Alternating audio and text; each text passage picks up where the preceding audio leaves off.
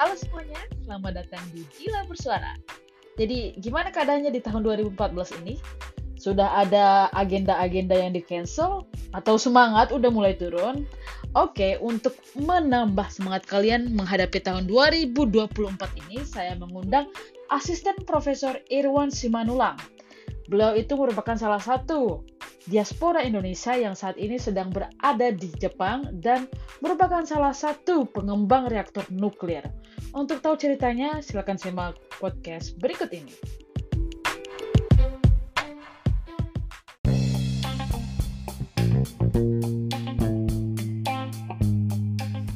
Hi everyone, welcome back to Dila Bersuara.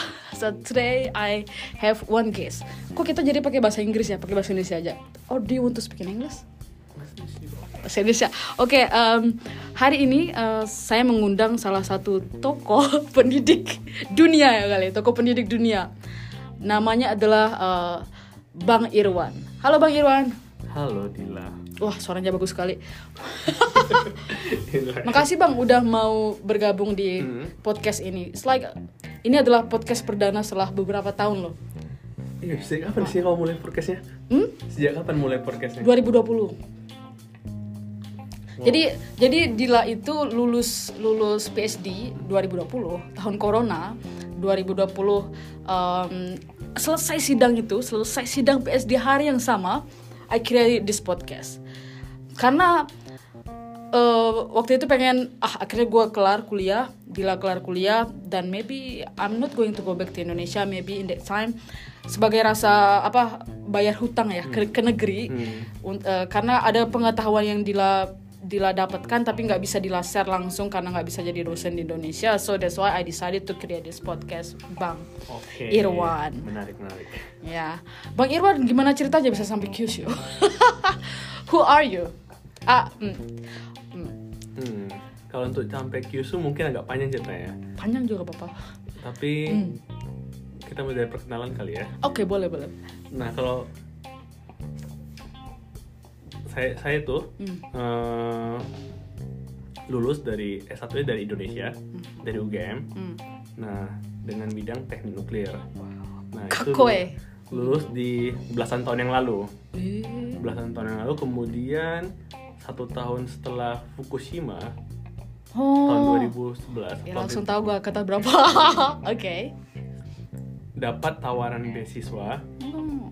di ini di Tokyo Tech aha Tokyo Institute of Technology ya Tokyo Kakoe. Tech programnya integrated master dan doktor same jadi langsung lima tahun Hai. itulah jalan awal yang membuka Hmm. perjalanan ke Jepang Aha. 2011 5 tahun. 2012 2012. Karena kan Iya kan kalau ya setahun kan setahun dan per- kalau misalnya kita daftar S2 di Jepang itu kan ada butuh waktu kan Aha. preparation Research student? enggak enggak langsung Wih, keren. Tapi kan- Serius? iya ya tapi kan yang namanya apa namanya Hmm. ap- application segala macam itu kan butuh Iya. waktu Hmm. nah itu aku datangnya di Oktober 2012 Ya, program internasional ya. ya pada umumnya kan di intake-nya Oktober ya untuk Iya. internasional Iya. nah kemudian selesailah di September 2017 Wow, keren 5 tahun. ya karena lima tahun mau nggak mau Maksud gue eh maksud dia nggak extend sama sekali ya? kalau extend beasiswa putus kan Sorry, Sne. Iya, nah, iya. jadi mau Iya. tidak mau Iya. ya dimaksimalkanlah waktunya yang lima tahun ini Mhm, mhm. kayak gitu Aha. 2018. Terus abis sudah ngapain? 2017 oh Eh, 2017, September kan iya. nah jadi sebelum jadi sebelum lulus itu Iya. satu tahun atau satu setengah tahun sebelum lulus Mhm. kalau untuk S3 ya kalau Iya. untuk S3 kan kita butuh syarat paper ya Iya. nah kalau di Tokyo Tech itu Mhm. ada namanya syarat departemen tapi ada juga syarat sensei Mm, Nah, exactly. Mhm. syarat sensei yang menentukan lulus atau tidak Mm. kalau syarat departemennya dia biasanya satu paper Mm. Mm. publikasi kan Iya. nah syarat sensei tiga Anjay. Maju deh. iya kalau di Tokyo Tech itu syarat sensei itu tiga dan Mhm. karena kebanyakannya tiga jadi tiga jadi dianggap sebagai standar minimum Standar minimum. iya Kah. nah Nuklir pula. kem- kemarin itu waktu aku tuh Hmm. dia satu setengah tahun sebelum lulus itu aku sudah ada sekitar dua publikasi Aha. dan satu lagi yang Ongoing. ongoing. Mhm. Nah, dengan estimasi seperti itu, jadi aku nanya ke sensei, Hmm. karena aku belum belum ada rencana untuk kembali ke Indonesia kan. Hmm. Nah, aku tanya ke sen- sensei, boleh nggak saya lulusnya lebih cepat? Oh. Nah, karena kalau internasional kan lulusnya di September. Ya. Nah, sedangkan kita tahu kalau di Jepang itu Hmm. untuk bekerja di Jepang itu startnya di April. Exactly. Nah, jadi saya tanya, sensei boleh maju nggak enam bulan Aha. supaya saya bisa lulus di Maret, Mhm. terus mulai cari kerja di, di Jepang di April. Mhm. Karena kalau lulus di Mhm. Oktober Mhm. ada gap nih 6, Ya. bulan. Mhm. Nah, ternyata sensei bilang, "Oh, tidak bisa." Oh tidak bisa. Sulit. sulit, ternyata. Uh, uh. Nah, walaupun udah punya dua paper itu ternyata sulit Ya. juga Mhm. untuk bisa lulus lebih cepat dari waktunya kan. Mhm. Nah, akhirnya tapi karena sudah mengutarakan niat kayak gitu, Hmm. sensei pun berbaik hati. Ah. Jadi eh, di ya sebelum lulus pun udah ditawarin sensei, Hmm. kamu mau nggak stay di lab gitu untuk enam bulan. Hmm. Nah sambil kamu cari, karena ada gap tadi kan. Iya, iya, iya. Tapi di waktu di, di sisi lain, sensei juga udah bantu untuk daftarin postdoc Oh. di di ini JAE ya, Japan, Japan? Atomic Oh. Energy Agency. Keren. Oke oke oke. Jadi Hai. Sensei juga udah bantu kasih rekomendasi untuk Mhm. jadi postdoc ke situ. Mhm. Tapi karena postdoc di sana mulai startnya di April. April, Yap. jadi ada enam bulan itu sensei mau ya udah kamu stay lah di sini enam bulan gitu Mhm. untuk ngebantu ngebantu. Hmm. Oh. I see. Itu itu. PhD-nya uh, what kind of research you did? Oh, risetnya tentang ini tentang Nuklir. nuklir, tentang desain reaktor nuklir generasi keempat. Oh. Nah, itu Fusi, fisik. visi visi reaksi visi Aha. generasi keempat tipe yang Aha. STGR yang high temperature gas cool reactor. Ah, I see. Para peng- ini pendengar di di labor suara itu sangat-sangat general. Mungkin kebanyakan mereka itu anak-anak kuliah Mhm. yang mau ke S2 atau S3 atau bahkan mungkin anak SMA. Yang di bidang profesional mungkin sangat sedikit yang mendengarkan podcast ini. So mungkin karena di Indonesia itu terutama di daerah Sumatera let's say Hmm. Uh, nuklir nuklir itu adalah suatu bidang yang amat sangat jarang dibicarakan. So because you already uh, Bang Irwan udah mention tentang researchnya nuklir, can you explain jelasin secara bahasa awam bahasa manusia gitu.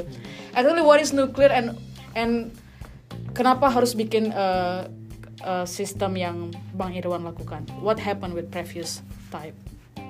It is berarti possible. mulai dari nuklirnya dulu ya. Exactly. Nah, sebenarnya bahasa gampangnya Yes. kok kena tadi kan riset tentang desain reaktor nuklir. Berarti ini berkaitan dengan pembangkit listrik tenaga nuklir. Mhm. PLTN yang bisa kita dengar kan. Yep. Nah, PLTN Mhm. itu mirip dengan PLTU, PLTA lainnya, pembangkit listrik lainnya. Mhm. Bedanya cuma di bahan bakarnya aja, Oke. secara generalnya ya. Yap. Nah, terus hmm, poin poinnya pasti udah tahu, pasti udah sering kita dengar. eh, dia tidak ini kan, dia tidak menghasilkan mengeluarkan gas CO2. Jadi salah satu juga eh, sumber pembangkit Mhm. sumber pembangkit Carbon neutral energy. Iya, itu dia namanya. nah, terus eh, itu secara umum aja ya gambaran PLTN dan pembangkit listrik lainnya. Bedanya cuma di bahan bakarnya aja. Nah, yang riset yang aku lakukan ini Yep. itu adalah riset untuk mengembangkan PLTN generasi keempat, Yep. generasi terbaru. Nah, jadi sampai saat ini Mhm. di dunia mungkin ada yang sudah komersil kan generasi 1, 2, 3 Mhm. Generasi tiga, tiga yang generasi 4 masih dalam tahap pengembangan Mhm. belum komersil nah jadi kalau mau kita runtut lagi ke belakang secara sejarahnya Ya. di generasi pertama ini di tahun 50-an 60-an Mhm. di situlah semua tipe-tipe Mhm. orang berinovasi untuk mengembangkan PLTN dengan jenis bahan bakar Mhm. apa apa aja yang bisa yang memungkinkan terus tipe PLTN apa saja yang memungkinkan. Mhm. Nah, di di generasi pertama inilah di periode 60-an. Nah, kemudian dari dari sini kan kelihatan nih mana yang bisa masuk ke komersial karena nggak semua yang dikembangkan bisa komersial Yap. nah dari masuklah ke generasi dua Oh, aku baru sadar 1950 sehabis perang dunia kedua. iya ya Oke, got it. jadi Aha, mhm. nah kemudian masuk ke generasi kedua Mhm. itu berdasarkan apa yang dilihat dari Generasi pertama. generasi pertama Mhm. dari generasi pertama itu dilihat bahwa Mhm. yang komersial dan maksudnya untuk bisnis ya karena Mhm. ini kan semua berhubungan dengan bisnis kan Duit. duit kan ujungnya Iya. nah itu adalah tipe Mhm. LWR light water reactor Oke. itu yang kita kenal dengan PWR dan BWR Mhm. uh, pressure dan boiling water reactor Mhm, mhm. Nah dua tipe inilah yang yang sampai sekarang komersil dan ham- hampir 90% di, di- dunia itu menggunakan PLTN tipe ini Yap. Nah, memang ada beberapa tipe-tipe lainnya, tapi Mhm. ya kontribusinya cukup kecil lah. Mhm. Nah, jadi inilah tipe yang paling komersil hingga saat ini. Mhm. Nah, Including Indonesia. Indonesia belum punya, belum punya PLTN. Oke. Nah, kemudian ini kan dibangun generasi kedua ini kan setelah lanjutan dari generasi pertama. Mhm. Artinya ini mulai komersil di sekitar 1970-an, 1980-an. 20 tahun. Mhm. Maksudnya Da- dari yang generasi pertama 1950 Iya. 20 tahun sekarang 1970 70-an. Hai. Dan ada masa pakai kan. aha Nah ini kan kalau tidak salah ini sekitar 40-50 tahun awalnya. Mhm. Nah artinya ini sudah mau decommissioning dong Mhm, di saat-saat seperti ini. Mhm. Nah oleh karena itu sambil berjalan juga si komersial ini Mhm. dari dari tahun 1980-an pun udah mulai Mhm. dikembangkan lagi Mhm. Hai. tipe-tipe Mhm. generasi selanjutnya gitu. Mhm. Nah tapi karena memang mungkin pengaruh teknologi dan lain segala macamnya Mhm. kita masuk ke generasi ketiga generasi Mhm. ketiga ini Mhm. dia lebih ke improve dan Mhm. Memperpanjang masa pakai si generasi kedua. Mhm. nah tapi kan tetap aja pada akhirnya ini akan selesai kan? Mhm, nah makanya saat ini dikembangkan lagi lebih ke generasi keempat gitu. I see. Dan uh, mungkin perlu kita tekankan ini uh, pengembangan nuklir fusi, visi ya, bukan fusi, Bukan right? fusi. So jadi buat teman-teman sebenarnya dunia nuklir itu secara garis besar, correct me if I'm wrong, Hmm. because I'm not the scientist of nuclear, I'm not nuclear scientist, but uh, generally ada dua yaitu nuklir visi dan nuklir fusi dan Bang Irwan ini merupakan ahli dari nuklir visi. And it is interesting why I why I ask you about the Indonesian. Tadi Dila bilang kan, oh di Indonesia emang uh, teknologi keberapa? Karena rasa-rasa rasa maybe I'm wrong, but rasa-rasanya there are some people told me that di Indonesia itu ada udah ada beberapa reaktor, Mm-mm. but maybe not commercialized. Is itu what, what was that? itu reaktor riset Got it. So it's not PLTN, but Iya. ah, nuklir reaktor. iya iya Got it. Sorry, terlalu excited.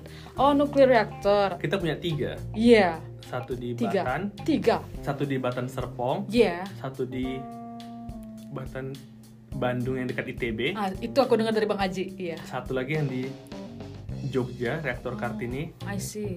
itu di Batan Jogja itu Aha. dekat dengan kampusnya Atmajaya I see. Got it. Generasi. Oke. Jadi uh, tapi dari segi researchnya Bang Irwan, Dila dengarnya sih Bang Irwan lebih kan kalau dari uh, kita ngomong tentang reaktor tentu aja kita bisa lihat dari input, uh, processing dan output. But from your from your da- dari judul tadi yang dibilang atau dari tema yang dibilang tadi abang bilangnya tentang cooling system. So no no Enggak. no desain desain Di- reaktor. oh oh reaktor itu sendiri Reaktor. bukan uh, fokus di cooling system oke I see I see God it's, it's quite difficult to understand but why nuclear because a- a- a- abang itu tumbuh besarnya di Medan di- then how can you go to Jogja itu adalah pertanyaan menarik yeah karena mungkin nggak ada yang nggak banyak yang tahu karena Iya. di mungkin kita satu generasi lah ya oke generasi iya kan masa kita Iya, iya. tumbuh di Dila juga dari Sumatera Iya. kita tahu gimana Susah. gimana informasi itu Iya. cukup jauh gapnya ada antara Jawa dengan Sumatera. Sumatera, Iya, iya. Iya kan Iya, iya. nah itu cukup menarik karena Iya. waktu nuklir pula iya karena waktu Iya. di angkatanku iya itu hanya ada dua dua orang kami dari Sumatera yang masuk ke nuklir. Aha. Nah, kalau saya kenapa nuklir? Itu Iya. karena aku baca, iya silakan. Eh, ada dua, satu baca buku, satu main game. Oh, game. I see. Ya. Yuk, yang kedua. Lebih menarik ya. yang satu mungkin I don't know. Normal ya? Let's see. Yes. Nah. Game. Jadi di game yang aku mainkan itu, itu adalah Iya. game kayak game strategi, Aha. membangun negara. Aha. Nah, untuk mencapai Aha. men- untuk mencapai negara itu pada level tertinggi, Yeah. itu syaratnya itu adalah mengembangkan Nuklir. bukan Apa? pendidikan dulu. Oh, keren gamenya. Jadi seberapa banyak pun kan kok di game itu ada kayak Iya. misalnya kita harus nambang apa segala Iya. macam nambang Aha. emas atau apa. Hmm. Nah, sebanyak apa pun emas minyak kalau Iya. universitas di tiap kota, kita itu nggak ada, Aha. itu kita nggak bisa lanjut ke generasi selanjutnya. Iya. Nah, nah setelah setelah itu, Hmm. setelah dapat level tertingginya, itu ada kita ada aku ingat banget itu ada empat Hmm. pilihan. Aha. Kita mau mengembangkan mana dulu? Nuklir, Hmm. AI, Oh. Game apa itu? aku lupa nama gamenya itu, itu game lama. Terus dua lagi apa gitu. Nah, Oh. terus aku milih kayaknya bagus nih untuk mengembangkan nuklirnya. Hmm. Nah, ternyata Mhm. dengan mengembangkan nuklir ini, Mhm. ya namanya game ya. Iya. Nah, bisa dipakai kedua hal. Iya. Satu untuk yang energi, satu Yap. juga buat untuk senjata kan. Aha. Nah, ketika kita udah ketika aku memilih nuklir Iya. dan negara yang kembangnya sudah punya nuklir, Mhm. itu jadi seolah mempercepat Mhm. game itu selesai. Oh. Jadi karena Hmm. kita sudah masuk ke level itu, artinya kita Mhm. udah selesai Mhm. dan udah sampai tahap tertinggi lah kayak victory lah gitu. Nah, Keren. jadi menarik dia kayak menarik kenapa ya? Ada apa dengan nuklir ini? Kenapa? Hmm. kenapa di game ini memilih nuklir sebagai energi gitu bisa sampai jadi menang hanya tanpa berperang Mhm. dia cukup untuk sampai ke level itu aja langsung victory Wih, itu kalau kalau ngelirik ke belakang tahun dua abang SMA kan? SMA SMA SMA berarti itu 2000 What kind of is 2003 2000 2006 berarti 2005 berarti lah abang 1987. 88 ya Oh seumuran abang abang Dila, makanya langsung tahu. Oh zaman segitu ada game itu ada ada PS, Game- Nintendo, game-game di komputer. Oh, tapi jangan bayangkan dengan grafis yang ada sekarang Iya, ya iya, iya, iya. sederhana aja Berarti out of topic internet di Sum- Sumatera Utara berarti lebih kencang daripada di Bengkulu. enggak yang ini Online, ke warnet. Iya bisa gamenya bisa online, tapi bisa juga yang main sendiri itu loh, Ah, keren. main di keren. rumah. I mungkin kalau ada pendengar yang tahu itu game apa, Ya maybe- silakan, saya lupa soal nama gamenya. Ya, developernya berarti keren banget. Mereka udah udah memikirkan sekian banyaknya. Iya, soalnya itu mengembangkan negara dari zaman Ya. dulu, dari zaman purba sampai Ah, Nah. I see. Is that popular game? enggak sih. How can you know about that game? That's the point. Yeah, exactly. Eh, Dari mana tahu bang? Facebook, karena dulu aku suka dulu, dulu belum ada Facebook, Friendster, belum ada, belum ada Friendster. Maji. Iya. Nah, Hai. jadi kayak tahu itu, karena aku dulu suka main game, Iya. jadi sering juga main ke warnet kayak itu itu kan. Iya iya. Nah, dari situlah dapat info. Terus pergi ke toko-toko kaset game. Kalau Anak dulu- forum, Enggak, enggak, enggak. kos kaskus nggak Enggak, ikut? enggak, enggak. Keren, Jadi keren. ada kayak toko kaset kan dulu kita Iya. beli game itu di toko kan. Iya. Nah, Hmm, cuma aha. lihat-lihat aja terus Hmm. nggak tahu juga isi gamenya kayak gitu. Iya. Jadi Iya. out of nowhere aja. Kalau zaman zaman Dila tuh kalau yang Dila ingat-ingat di tahun segitu mungkin Dila masih S 2005 ya? Itu awal mula game online Ke Ragnarok. SMP. Ah ya kalau itu dengar 2005 itu kalau di Bengkulu kita biasanya beli kaset Mhm. kasetnya bajakan bang Mhm. kalau di Medan Sama. oh, oh sama, sama berarti emang oh I see terus kalau dari buku what kind of book Kalau ya buku itu, nah ini nggak sengaja. fisika Enggak enggak, malah aku tidak suka buku-buku fisika kayak gitu. Nih. Nah, kalau mau dijelasin kenapa nggak suka? Iya, Karena kadang maksudnya gini, ketika kita di sekolah, iya. ketika ini mungkin aku ya pendapat pribadi, Aha. Beberapa guru itu ketika menjelaskan itu tiba-tiba datang langsung menjelaskan. Ngerti nggak sih? Iya, iya, nah, iya, iya, iya. terus apalagi Some- fisika SMA yang Iya. tiba-tiba kalkulus. Apa itu kalkulus? Kenapa kita harus pakai kalkulus di Hmm. kehidupannya? Itu yang aku nggak dapat. Hmm. Nah, sampai aku ada baca buku Mhm. Buku apa tuh? buku Perang Dunia II. Aja, buku perang dunia kedua. Ya itu terbitan kom Kompas PK Ojong ya, Mbak. PK Ojong itu kalau nggak penerbit Kompas atau apa? Oh, per- perang dunia Nah. kedua. Einstein. Perang Eropa II. Oh. Bukan ngomong Manhattan Project berarti tuh. Bukan. Hmm, perang Eropa kedua. Perang Eropa kedua itu Mhm. itu jilid jadi perang Eropa itu bukunya ada tiga Mhm. ini jilid keduanya Aha. nah bagian di situ aku Keren baca kali. nggak nggak keren Hai, itu cuman hai. Ya iseng-iseng ke Gramet tuh, Aha. terus numpang numpang baca Hmm. udah Iya. nah di buku itu Iya. salah satu poin yang menarik itu adalah Aha. bagaimana para peneliti dilibat ternyata terlibat dalam Hmm. apa ya di belakang Strategi. layar lah Iya. dalam strategi-strategi perang Mhm. contoh simpelnya Mhm. eh, contoh simpelnya tuh kayak Mhm. Kenapa waktu zaman perang tentara-tentara itu disuruh bawa kaleng kecil Mhm. diisi pasir Aha. pasir pantai Mhm. nah ternyata itu untuk diteliti lagi Aha. jenis roda tank mana yang bisa Oh. mendarat di tiap karena pasir di tiap-tiap pantai kan berbeda kan Mhm. jadi roda mana yang sesuai untuk pasir tiap pantai-pantai itu nah Mhm. itu contoh kecil Oke. Mhm. Bagaimana peneliti bisa terlibat ha, ber- berkontribusi ya baik itu di luar negatif atau positifnya lah ya Mhm. nah terus di situ juga Iya. di buku itu Mhm. eh, di situ ada kalau nggak salah ada dijelaskan bagaimana mata-mata berusaha untuk menghancurkan persediaan air beratnya Jerman. Nah, di situ aku nggak tahu apa itu air berat, itu nggak tahu dan Ah. apa fungsi air berat itu aku nggak tahu. Mhm. Nah, Mhm. sampai akhirnya belajar Mhm. di kelas Mhm. baca buku kimia. Mhm, Nah, iya. itu rupanya air berat itu ini dan fungsinya dijelaskan air berat dan hubungannya ke- nantinya ke energi nuklir dan lain sebagainya. Nah, akhirnya di situ ter- kayak di situ ada benar-benar oh menarik sebenarnya. Nah, poinnya itulah bagaimana sih penulis Iya. ini Mhm. membawa kita berimajinasi. Mhm. Jadi kayak seru ternyata ya. Iya. Nah, Hmm. hal itu yang nggak yang hal itu yang membuat kayak menarik ini di Oh, nuklir. I see. Nah, sampai pada akhirnya Mhm. ini kan itu udah kelas 3 SM kelas 3 lah ya. Mhm. Nah, itu mau mencari Jurusan. mau- jurusan mana. Mhm. Nah, otomatis dong setelah Iya. kena banyak Iya. ini Aha. carilah. Aku mikirnya dulu Mhm. setiap universitas itu Aha. ada punya jurusan yang sama semua. Oh. Belum mengerti konsep Iya. kalau tiap universitas itu punya jurusan Beda-beda. berbeda-beda gitu. Mhm. Karena selalu kan kita lihat misalnya teknik industri, elektro, mesin itu kan Mhm. hampir di semua universitas Iya. ada. Mhm. Nah, jadi aku mikir Mhm. cari ah gimana ya? Iya. Anjay. Dari Medan pasti USU dong yang pertama. Exactly. Iya.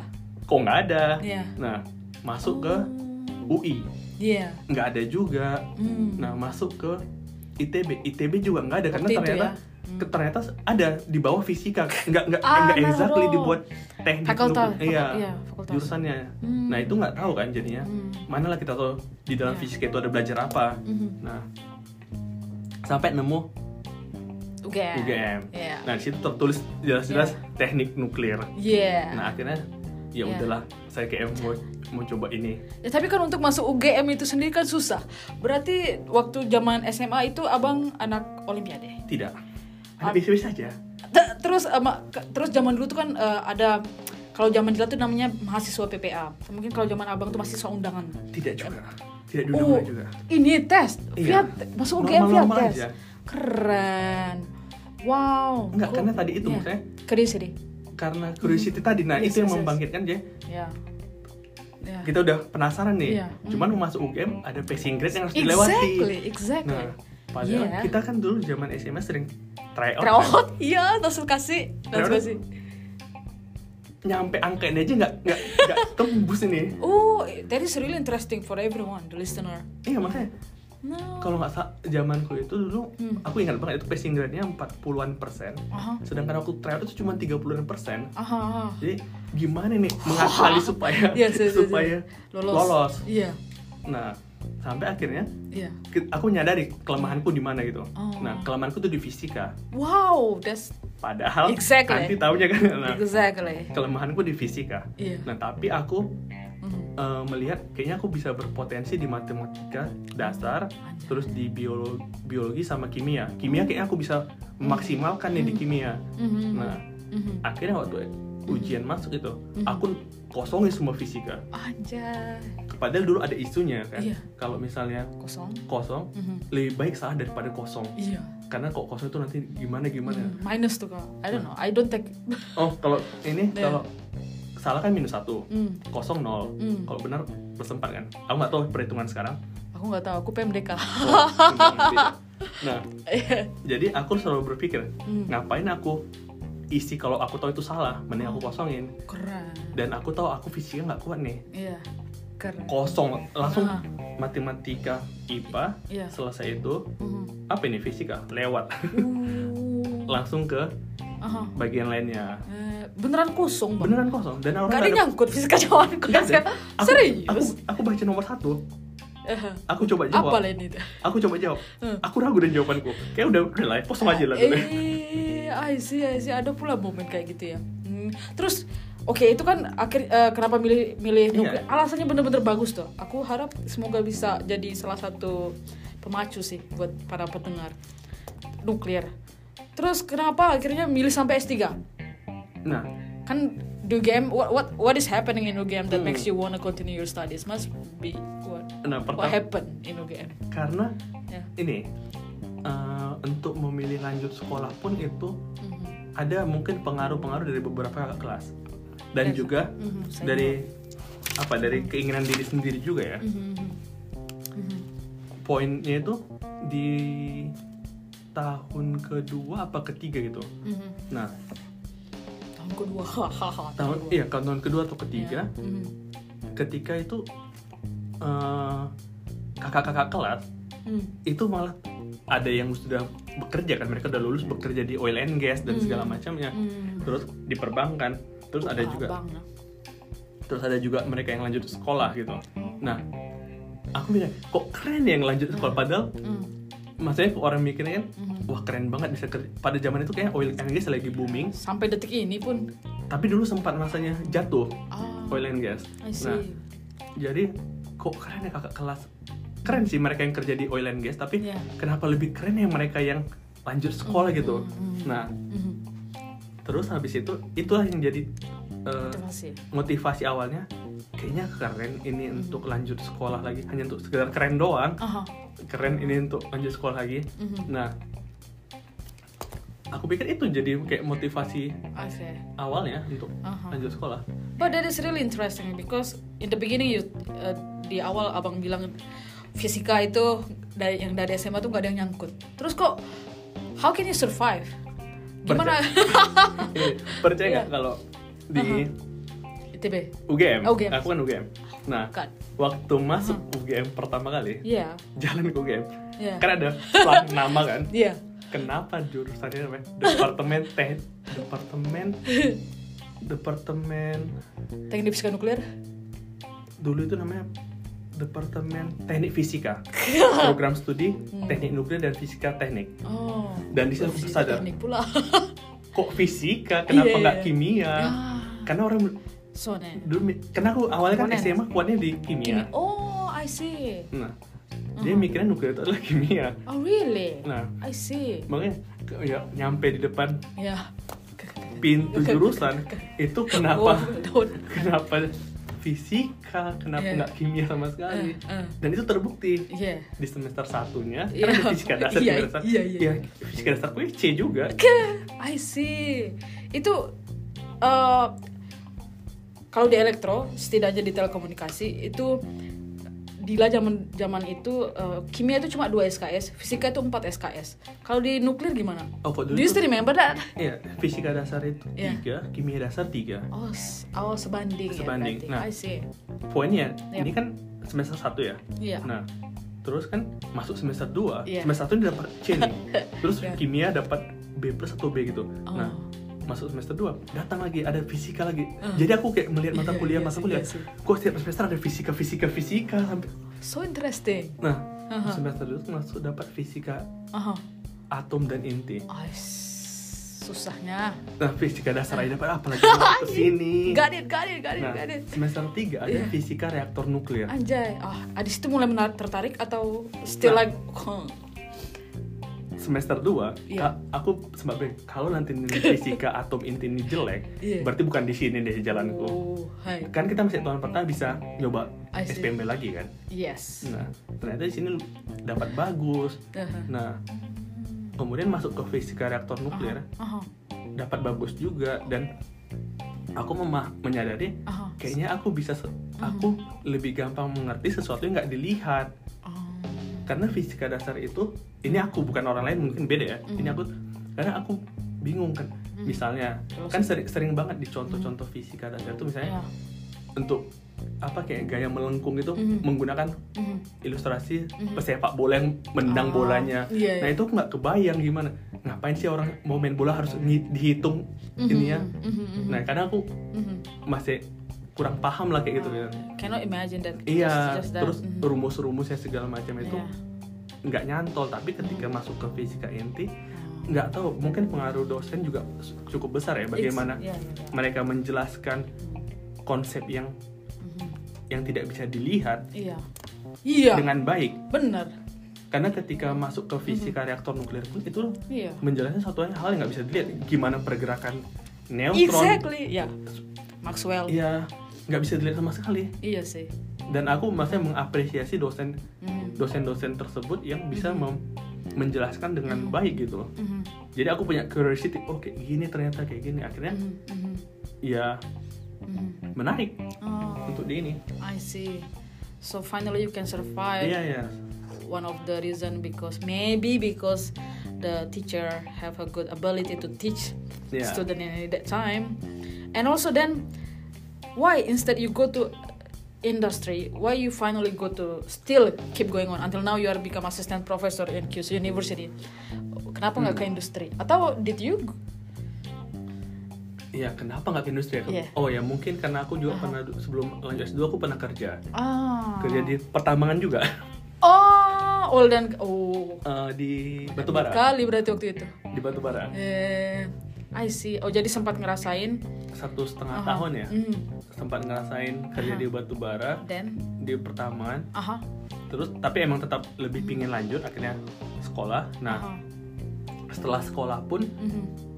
kalau kita lihat di S2 di Jepang, S2 S3 di Jepang, Mhm. di lab yang tempat aku studi itu, Mhm. profesornya Mhm. tidak tidak melakukan kayak core time gitu, tidak tidak mengekang mahasiswanya. ya Jadi punya flex Bebas. time, Mhm. bebas mau masuk jam berapa, pulang Mhm. jam berapa, yang penting Mhm. ketika report ada. Ah, mhm. Nah, hal itulah yang mau membuat misalnya apakah ini bisa ku dapat aku lebih senang di situnya gitu oh freedom freedom yes nah dibandingkan harus kayak fixed to time five. 9 to 5 9 to Yeah. 5 Mhm. Sa- jadi kayak misalnya ketika udah 9 to 5 oke bagus buat sem- sebagian orang tapi kok sama aku nggak cocok nggak cocok karena Mhm. oke aku bisa ngerjakan 9 to 5 hari ini tapi ketika aku Mhm. besok capek ini gimana ya mengatur ngaturnya harus Mhm. sampai tua nih Mhm. 9 to 5 itu gimana ya kebayang sampai situ wow nggak ya. nggak kebayang maksudnya ya lagi gimana kok aku lagi ya lagi kan namanya manusia bisa aja capek di tengah jalan kan iya iya masa harus cuti sih setengah hari Iya harus masuk lagi Mhm. Nah. Mhm. terus nah lima tahun di studi di Jepang. Iya 2008 sampai 2017 terus di 2018 tadi post ya postdoc itu di di Japan Atomic Energy Agency. something- ya nah di situ kan research institute. Iya. Nah di situ juga flex time. Ah. nah jadi kayak berapa tahun di situ? Tiga setengah. Anjay makanya ada sistem profesor. I see got it. Nah. Tiga setengah tahun keren. Di situ jadi Hmm. Jadi aku lebih menikmati ternyata untuk Mhm. bekerja di flex time gitu dibanding dan aku tahu kalau kerja di Mhm. industri Iya. mungkin tidak se-flex itu Hmm. apalagi kalau misalnya kita bicara mau kerja di industri nuklir mungkin nggak kena dengan level kita yang baru masuk ya walaupun Iya. S3 jangan bayangkan S3 langsung wow di Exactly. sini tetap aja iya, le- iya. S3 ya entry level juga Iya, iya, iya. ya nggak terlalu Mhm. masuk Mhm. makanya Mhm. eh, memilih untuk kayaknya secara jam kerja aku lebih senang untuk bekerja di akademik atau di, research institute. I see. Tapi waktu ja- let- let's go back again ya. ke zaman mas kecil, Hmm. zaman-zaman umurnya si si anak kucing siapa? Oh, anak you, you, ya, you like you like to kucing, call you, you Anak kucing. ya, ya, ya. dia lucu banget ya. Itu waktu itu pernah nggak sih kepikiran aku mau jadi profesor waktu kecil itu? SD ya. So now, now, I see, I see. Apakah ada kemungkinan bakal terus di sini sampai profesor? Do you? I mean, now you're assistant professor, Yeah. right? So usually for assistant professor to be associate professor, you need like 10 years maybe. Correct me if I'm wrong. Yeah. Then you need another 10 years maybe to be Yeah. professor. Are you going to do that kind of things here? Kenapa bahasa Inggris gua aja? Sorry. Yep. Iya kalau memungkinkan bisa dikerjakan di Keren, sini, keren. ya Keren, dikerjakan sih. I see, I Maksudnya see. Uh-huh. eh, ke- mungkin tiap negara kan berbeda ya. Tapi kita tahu kalau kita bicara konteks Jepang, Yeah. ya kita tahu itu butuh waktu yang panjang. Sampai ada yang retired juga kadang. Iya. Nah, Hmm. kalau sampai sekarang aku masih menikmati untuk di posisi sekarang gitu. Mhm. Bahkan ketika misalnya Iya. ada peluang untuk naik Mhm. ke associate, Mhm. mungkin aku tidak akan ngambil karena aku tahu kemampuan sadar kemampuan dan sadar Ah. tanggung jawab yang lebih Iya besar sih. gitu jadi Hmm. Aku akan lebih Stay. stay di sini Mm-hmm. sampai mungkin 5 sampai 10 tahun Mhm. karena pu- banyak belajar gitu karena Iya. gimana sih cara ngebimbing mahasiswa Iya. gimana cara ngajar Mhm. lebih dan asisten di sini kan tidak Mm. harus mengikuti banyak kegiatan gitu Hmm, iya. jadi aku bisa menggunakan waktu tadi untuk belajar banyak Mm. hal sih Actually, another assistant professor that yang Dila tahu, dia juga punya pikiran yang sama loh. Iya. Oh, iya? Iya, dia juga berpikir dia orang Jepang. Dia juga berpikir I think it's better for me to just stay to be assistant professor. Karena mungkin the same the same mindset. iya kalau misalnya kita Iya. bicara konteks Jepang ya Iya, iya hmm, sih. I see, I see. Got it. Oh, okay. Now we are in Japan and we are in diaspora. Kita diaspora Indonesia, right? Um, what do you think? Is there any? Apakah ada ada seberapa besar chance buat Indonesia untuk beralih ke ke this kind of carbon neutral energy, for example nuklir? kalau dilihat dari ini 2040 deh. Karena 100 tahun umur Indonesia. 245 Eh, Maji, ayo 2045 Sorry, sorry. Siapa yang bilang 2040? Ah, sorry, 2045 Hai, Son eh. Kalau ini kalau misalnya untuk karbon netral ini lagi harga-harga juga Iya, gitu. Misalnya iya. beberapa tahun terakhir juga Iya. eh, kalau kita lihat di Indonesia sendiri eh, sudah mulai aktif lagi gitu untuk mendukung penggunaan energi nuklir sebagai energi. Tidak hanya untuk mungkin banyak orang tidak tahu kalau di Indonesia itu ener- nuklir juga udah dipakai untuk banyak hal untuk Kedokteran. kedokteran dan lain sebagainya sebagai tapi belum untuk energi. Nah kalau aku lihat sih cukup pelu- peluangnya cukup besar Mhm. untuk ke karena pemerintah juga sudah mulai serius Oh. untuk si nuk- Hmm. opsi nuklir sebagai Mhm. salah satu energi juga Mhm. Mhm. cuman yang jadi Iya. yang jadi pertanyaan aku sendiri Mhm. Oh eh, ketika mau bangun nuklir Mhm. mau pakai reaktor nuklir tipe apa Oh. nah kenapa karena belakangan ini Mhm. emang itu akan tergantung dari investor ya Oh. Nah siapa yang akan masuk untuk membangunnya tapi Mhm. itu eh, pemerintah juga harus punya Strategi strategi kan Mhm. nah belakangan ini tidak hanya di Indonesia tapi di dunia itu lagi gembar-gembor tentang generasi keempat yang tadi aku bilang Mhm. nah tapi belum ada negara yang menggunakan generasi keempat Oh. ada sih satu Cina yang di HTR Mhm. yang baru selesai dibangun Mhm. nah Selalu terdepan tapi kan bagi maksudnya Mhm. Cina itu bisa bangun HTR itu. HTGR itu beroperasi 2-3 tahun yang lalu dia sudah melakukan riset panjang Iya ke belakang. Iya. Contohnya juga Jepang. Jepang punya HTGR juga Mhm. yang punya JAE ya. Mhm. Jepang punya untuk tipe risetnya. Nah itu dibangun dari tahun 80-an Mhm. nah dibangun dari tahun 80-an Puluhan. dengan tujuan yang jelas. Mhm. karena ATR ATGR nya Jepang ini bertujuan untuk eh, HTGR ini kan dia punya suhu keluaran sampai 900 derajat Celcius. Mhm. Nah, suhu keluaran itu mau dimanfaatkan untuk hydrogen production. Oh. Nah, mhm. jadi dari awal tujuannya sudah jelas. Mhm. Ah, so Nah, tapi reaktor HTGR itu udah bisa dibangun saat ini. Mhm. Karena udah ada di Jepang juga udah punya kan. Mhm, mhm. Nah, tapi kan permasalahan tujuannya tadi untuk ke hydrogen, Hydrogen. production, ini masih ada kendala bagaimana Mhm. kendala teknis lah ya. Mhm. Gimana mengkonversi uap panas tadi menjadi hydrogen production dan segala macam itu kendala teknis. Ini yang belum terpecahkan. Dan saat ini Jepang juga lagi untuk mengejar si karbon netral Oh. itu ya dia fokus nih ke HTGR ini tipe ini dia fokus nah karena dia tahu udah punya barangnya Iya. tinggal dikembangkan lagi untuk ini jadi. Punya road roadmap yang jelas lah kalau Iya menurutku. sih. nah Benar. Mhm. kalau di kita itu Aha. kita mau bangun tipe PLTN yang mana dulu kalau memang tujuannya misalnya untuk mengurangi karbon Mhm. berarti kan untuk mengganti si PLTU lah pada umumnya ya Mhm. Nah, ya nggak perlu tipe-tipe yang generasi keempat ini. Mhm. Kita cukup pakai tipe generasi dua yang sudah terbukti komersil, Mhm. teruji banyak negara. Mhm. Tinggal pakai itu aja, Mhm. nggak ada masalah juga. Contoh. Fukushima dan dan Chernobyl itu reaktor Chernobyl reaktor ke Satu. Fukushima? Dua. Nah, nah, Aha. tapi kan maksudnya untuk iya makanya Fukushima generasi kedua awal. Ah, ah, got it. Nah, Dia ada generasi tiga tadi version itu, ya. generasi tiga itu kan pengembangan safety dari generasi kedua. Nah, generasi tiga ini yang Hmm. sudah dibangun di Arab ya, UEA ya, yang baru-baru Barakah. Oh, Nah. tahu. Jadi Hmm base base-nya tuh sama, uh-huh. tapi lebih di improve lah. Uh-huh. Nah, um. jadi jadi nggak mungkin juga ketika perusahaan bangun generasi nggak mungkin juga generasi yang ini pasti yang udah exactly. the latest versionnya lah. uh -huh. Nah, kalau memang tujuannya untuk uh -huh. mengurangi si batu bara, uh -huh. karbon tadi, yang ya mending pakai yang udah komersil aja. Yeah, exactly. Kenapa?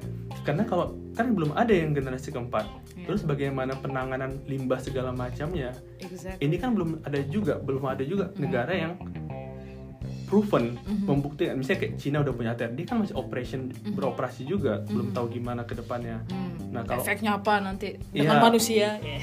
Iya, Ayo. maksudnya it- Iya. efek dari manusia sama dengan Iya. generasi 1 2 enggak Mhm. gitu masalah, tapi lebih ke penanganan limbahnya itu Mhm. bagaimana. Itu kan be- berbeda tipe, berbeda generasi pasti berbeda juga konsepnya. Mhm. Nah, dari kalau tujuan kita untuk tujuannya tadi jelas untuk mengurangi karbon. Iya. Ya, dan kita tidak punya pengalaman untuk apa maksudnya kita belum punya pengalaman belum punya sumber daya manusia yang Iya. mumpuni dan cukup untuk mengembangkan generasi 4 Mhm. kalau misalnya mau langsung bangun bangun generasi kedua Bang- maksudnya bangun tipe LWR Mhm. yang generasi 3 lah yang Mhm. yang tadi itu aja sih Hmm, I see. dan negara Mhm. negara lain sudah membuktikan dan Mhm. kita nggak perlu repot-repot lagi memikirkan banyak hal gitu Got it. Tidak perlu repot-repot memikirkan banyak hal kecuali sumber daya manusianya. Iya maksudnya Right? sambil sambil mempersiapkan Mhm. untuk the next generation ya Got it. karena kita kan ngejarnya Mhm. si katakan kok tadi Dila bilang ngejar Iya. si 2045 Mhm. ya nggak cukup waktu untuk Hmm. untuk mempersiapkan itu gitu jadi Hmm. cukup bangun yang sudah ada sekarang Mhm. sambil di saat itu juga sambil belajar Mhm. mempersiapkan manusia untuk Mhm. membangun the next Iya. generation ya itu sih Nah, terkait dengan ta- tadi itu sebenarnya waktu Bang Irwan bilang tentang uh, what's that? Batu bara. batu bara is is is, is make me like something really really complicated about our country karena batu bara juga sampai detik ini merupakan salah satu sumber duit buat beberapa orang gitu kan. Dan terkait dengan sumber daya manusia, sekarang kita sekarang uh, uh, Bang Irwan kan juga jadi asisten profesor. Uh, like is there any chance buat para mahasiswa ini untuk untuk uh, exchange di lab Bang Irwan for example or hmm really? ya Aha. untuk kayak Iya. secara umum kamu universitas Aha. di Jepang dan juga kayak Kyushu University itu Iya. sangat terbuka ya untuk untuk Mhm. program-program Mhm. exchange gitu Aha. dan itu banyak juga kan misalnya Mhm. eh, dan saat ini Mhm. di Indonesia pun Iya. ada beberapa program yang Mhm. yang maksudnya exchange yang didanai oleh Indonesia sendiri Mhm. dan itu eh, peluangnya sudah mulai lebih banyak dibandingkan waktu Dulu. generasi kita lah Hmm. Ini sebenarnya pertanyaan-pertanyaan nyontek dari ini uh, Pak Gita Wirjawan. Karena Pak Gita Wirjawan dia tuh setiap dia wawancara profesor Indonesia yang berkarir di universitas di luar negeri, hmm. dia bakal tanya uh, seberapa besar uh, buat bawa mahasiswa Indonesia itu ke lab-lab Anda gitu. Pertanyaannya, seberapa mau mahasiswa itu dibawa? Oh hehehe. kalau kita bawa aja, iya. karena gini, iya. aku dua tahun mm. dua tahun ya iya dua tahun di sini mm. aku nerima banyak email nggak hanya dari Indonesia tapi dari beberapa negara mm. boleh nggak masuk lanjut S2 boleh nggak yeah. kalau cuma sekedar boleh nggak yeah. jawabannya boleh uh-huh. nah Hai. pertanyaannya hmm. kalau email itu yeah. ya jangan cuma tanya itu tapi lampirkan langsung segala sesuatu yang dibutuhkan maksudnya hmm. pengat untuk daftar itu yeah. lampirkan CV-mu lampirkan research topikmu yeah. kalau cuma sekedar tanya aja yeah. itu itu mungkin kendala hmm. banyak profesor yang tidak membalas email. Exactly, I know, I know the feeling, I got it. Karena mm-hmm. bahkan saya saya pernah dapat email mm-hmm. panjang banget. Awalnya tak, awalnya aku balas karena aku merasa aku juga dulu di posisi itu gitu jadi yeah, yeah. aku ya udah aku balas lama-lama. Yeah. Tapi lama-lama kenapa kayak mana actionnya? Mana action maksudnya? Yes, yes, yes, yes kamu nggak usah membuktikan yeah. kamu punya sertifikat A B C D E sampai F yang nggak nggak ada hubungannya dengan rencanamu Resource, lanjut yeah. sekolah. Mm -hmm. Kalau rencanamu lanjut sekolah, sediakan dulu. Misalnya mm -hmm. paling simpelnya, TOEFL-nya ada nggak? Uh -huh. Terus research plan. research plan-nya ada nggak? CV-nya ada nggak? Udah itu doang dulu. Iya, iya. Kalau itu udah jelas, oke okay, kita bisa mm -hmm. bicara lebih baik panjang mm -hmm. lah. Tapi kok cuma sekedar aku mau, aku mau, ya semua orang juga mau. Tamparan keras banget tuh buat para pendengar and I think maybe that is mungkin itu adalah salah satu penutup cara kita menutup uh, program hari ini terima kasih banyak Sama-sama buat Bang Irwan dia. udah share uh, tentang kehidupannya tentang ilmu yang dilakukan di Jepang ataupun di Indonesia ada pesan terakhir buat para pendengar kalau pendengar tadi kok kata Dila hmm. pendengarnya general ya iya yeah. ya jangan takutlah untuk melakukan mm -hmm. apa pun mm -hmm terkhusus kalau misalnya mau lanjut sekolah ya yang tidak usah berpikir jauh kalau harus orang yang lanjut sekolah itu harus yang orang yang berprestasi tinggi anak top olimpiade, ol, anak olimpiade top 3 top yeah. 5 gitu nggak perlu yang penting sem ketika semangat juangnya yeah. besar mm dan apa ya semangat juang besar keinginan besar mm ya aku rasa itu adalah satu satu poin yang paling penting sih nanti nilai-nilai itu akan apa sih akan terdongkrak sendirinya hmm. karena kita dari dalam diri kita sendiri sudah punya semangat juang yang tinggi itu hmm. itu sih kalau dari aku. I see. Thank you very much. Sama-sama. Makasih banget hari ini. Mbak Dila. Ya semoga nggak kapok-kapok. Ke depannya mungkin akan ada wawancara la lagi. Ya, yeah, it's okay. Oke, okay, thank you very much. Thank you.